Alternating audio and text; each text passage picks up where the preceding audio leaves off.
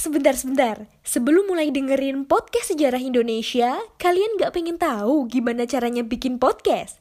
Yakin? Gak susah kok. Coba deh download Anchor Podcast. 100% mudah, 100% gratis.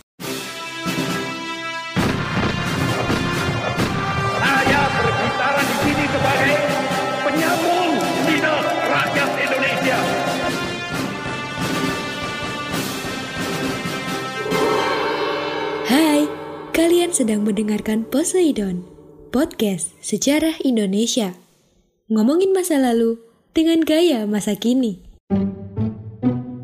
Assalamualaikum Hai, halo teman-teman semuanya Berjumpa lagi dengan saya Alfa di Poseidon Podcast Sejarah Indonesia Gimana nih kabar teman-teman semuanya? Semoga selalu dalam keadaan sehat walafiat ya Amin Teman-teman, karena kondisi kita sekarang masih di musim pandemi, saya mengingatkan teman-teman semua untuk selalu mematuhi protokol kesehatan ya, yaitu dengan rajin mencuci tangan, menggunakan masker, dan juga menjaga jarak saat berada di kerumunan.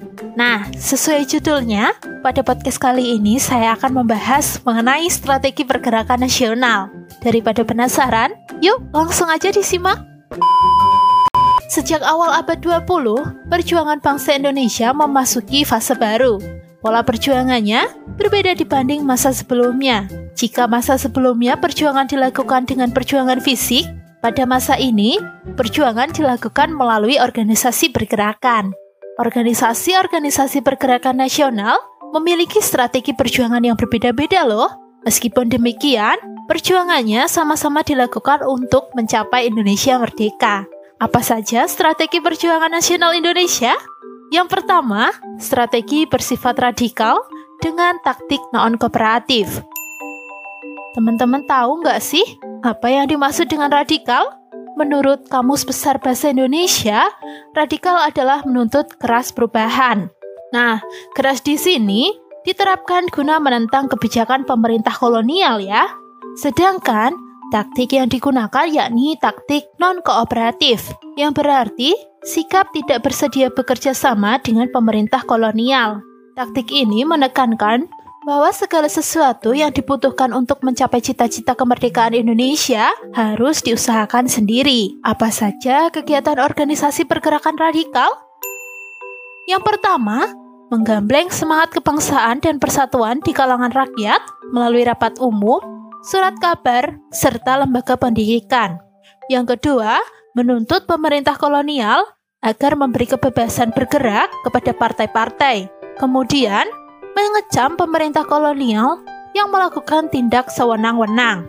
Nah, teman-teman pasti pernah mendengar pepatah yang mengatakan tidak ada asap kalau tidak ada api kan? Pepatah ini sesuai dengan tindakan organisasi radikal pada masa pergerakan nasional. Sifat radikal dari organisasi pergerakan nasional tidak muncul dengan sendirinya, tetapi ada faktor-faktor yang menyulut. Di antaranya adalah timbul krisis ekonomi pada tahun 1921 dan krisis perusahaan gula sejak tahun 1918, serta pergantian kepala pemerintahan kolonial kepada Dick Fogg yang bersifat reaksioner. Organisasi pergerakan nasional yang menerapkan strategi radikal antara lain Sarekat Islam, PI, PNI, PKI, Partindo, PNI Baru, Permi, dan PSI. Yang kedua, strategi moderat dengan taktik kooperatif.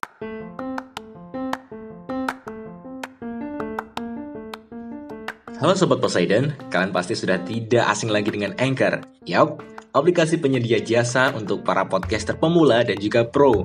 Buat kalian yang pengen mulai nge-podcast, langsung download aja Anchor di App Store ataupun di Play Store. Di sana, kalian bisa nge-podcast dengan banyak banget pilihan background musik. Setelah itu, kalian bisa mempromosikan podcast kalian ke mana pun. Secara otomatis, nanti akan di-sharekan oleh Anchor sendiri. So, tunggu apa lagi? Cus, nge-podcast bareng Anchor.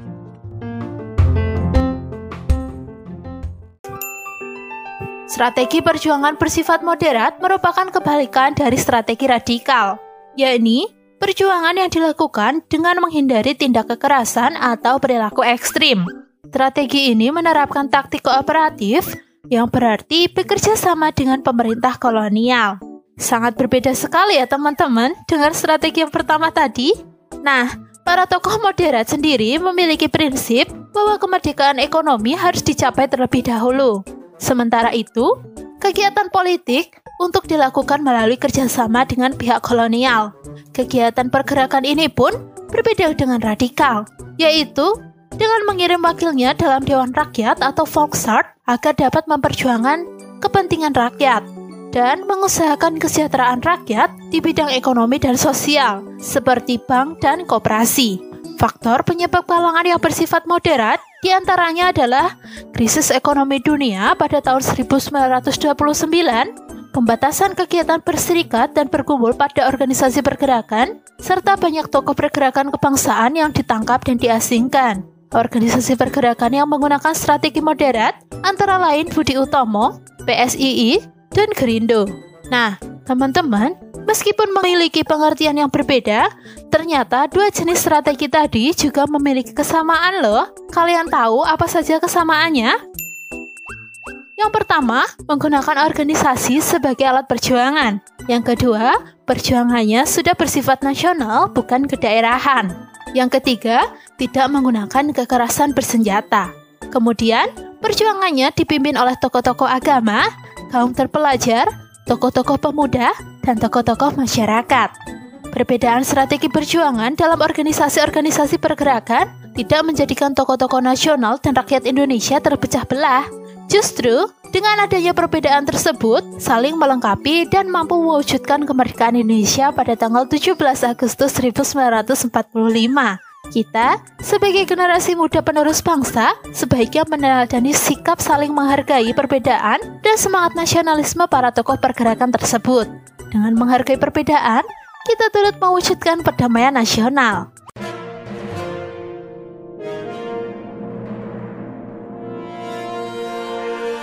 Hai teman-teman, saatnya kita masuk di segmen History Flash. Tahu kan tentang kerajaan Majapahit? Kerajaan yang berdiri sekitar 1293 hingga 1500 Masehi ini mencapai puncak kejayaan saat dipimpin Hayam Wuruk yang berkuasa sejak 1350 sampai 1389. Di bawah pemerintahan Hayam Wuruk, daerah kekuasaan mencakup seluruh Nusantara para ilmuwan menemukan lukisan Gua Leang Tedonge, Sulawesi. Lukisan tersebut berupa gambar binatang dan ditaksir usianya sekitar 45.000 tahun yang lalu. Stovia adalah sekolah pendidikan Bumi Putra. Sekolah ini yang mencetak tokoh-tokoh pergerakan Indonesia seperti Dr. Sutomo, Cipto Mangunkusumo, dan Wahidin Sudirohusodo. Demikian History Flash, kita ketemu di episode berikutnya. Jangan lupa untuk selalu mematuhi protokol kesehatan, memakai masker, mencuci tangan, dan menjaga jarak ketika harus beraktivitas. Saya Aulia pamit.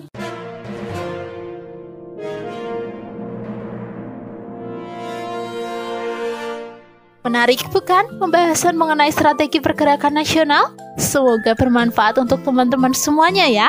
Oh ya teman-teman, Poseidon ada di Instagram juga loh. Untuk melihat update menu tiap minggunya, bisa kalian intip di at podcast underscore secara Indonesia. Jangan lupa di follow juga ya. Terima kasih sudah mendengarkan. Sampai jumpa di podcast selanjutnya. Alfa pamit. Wassalamualaikum warahmatullahi wabarakatuh. Terima kasih.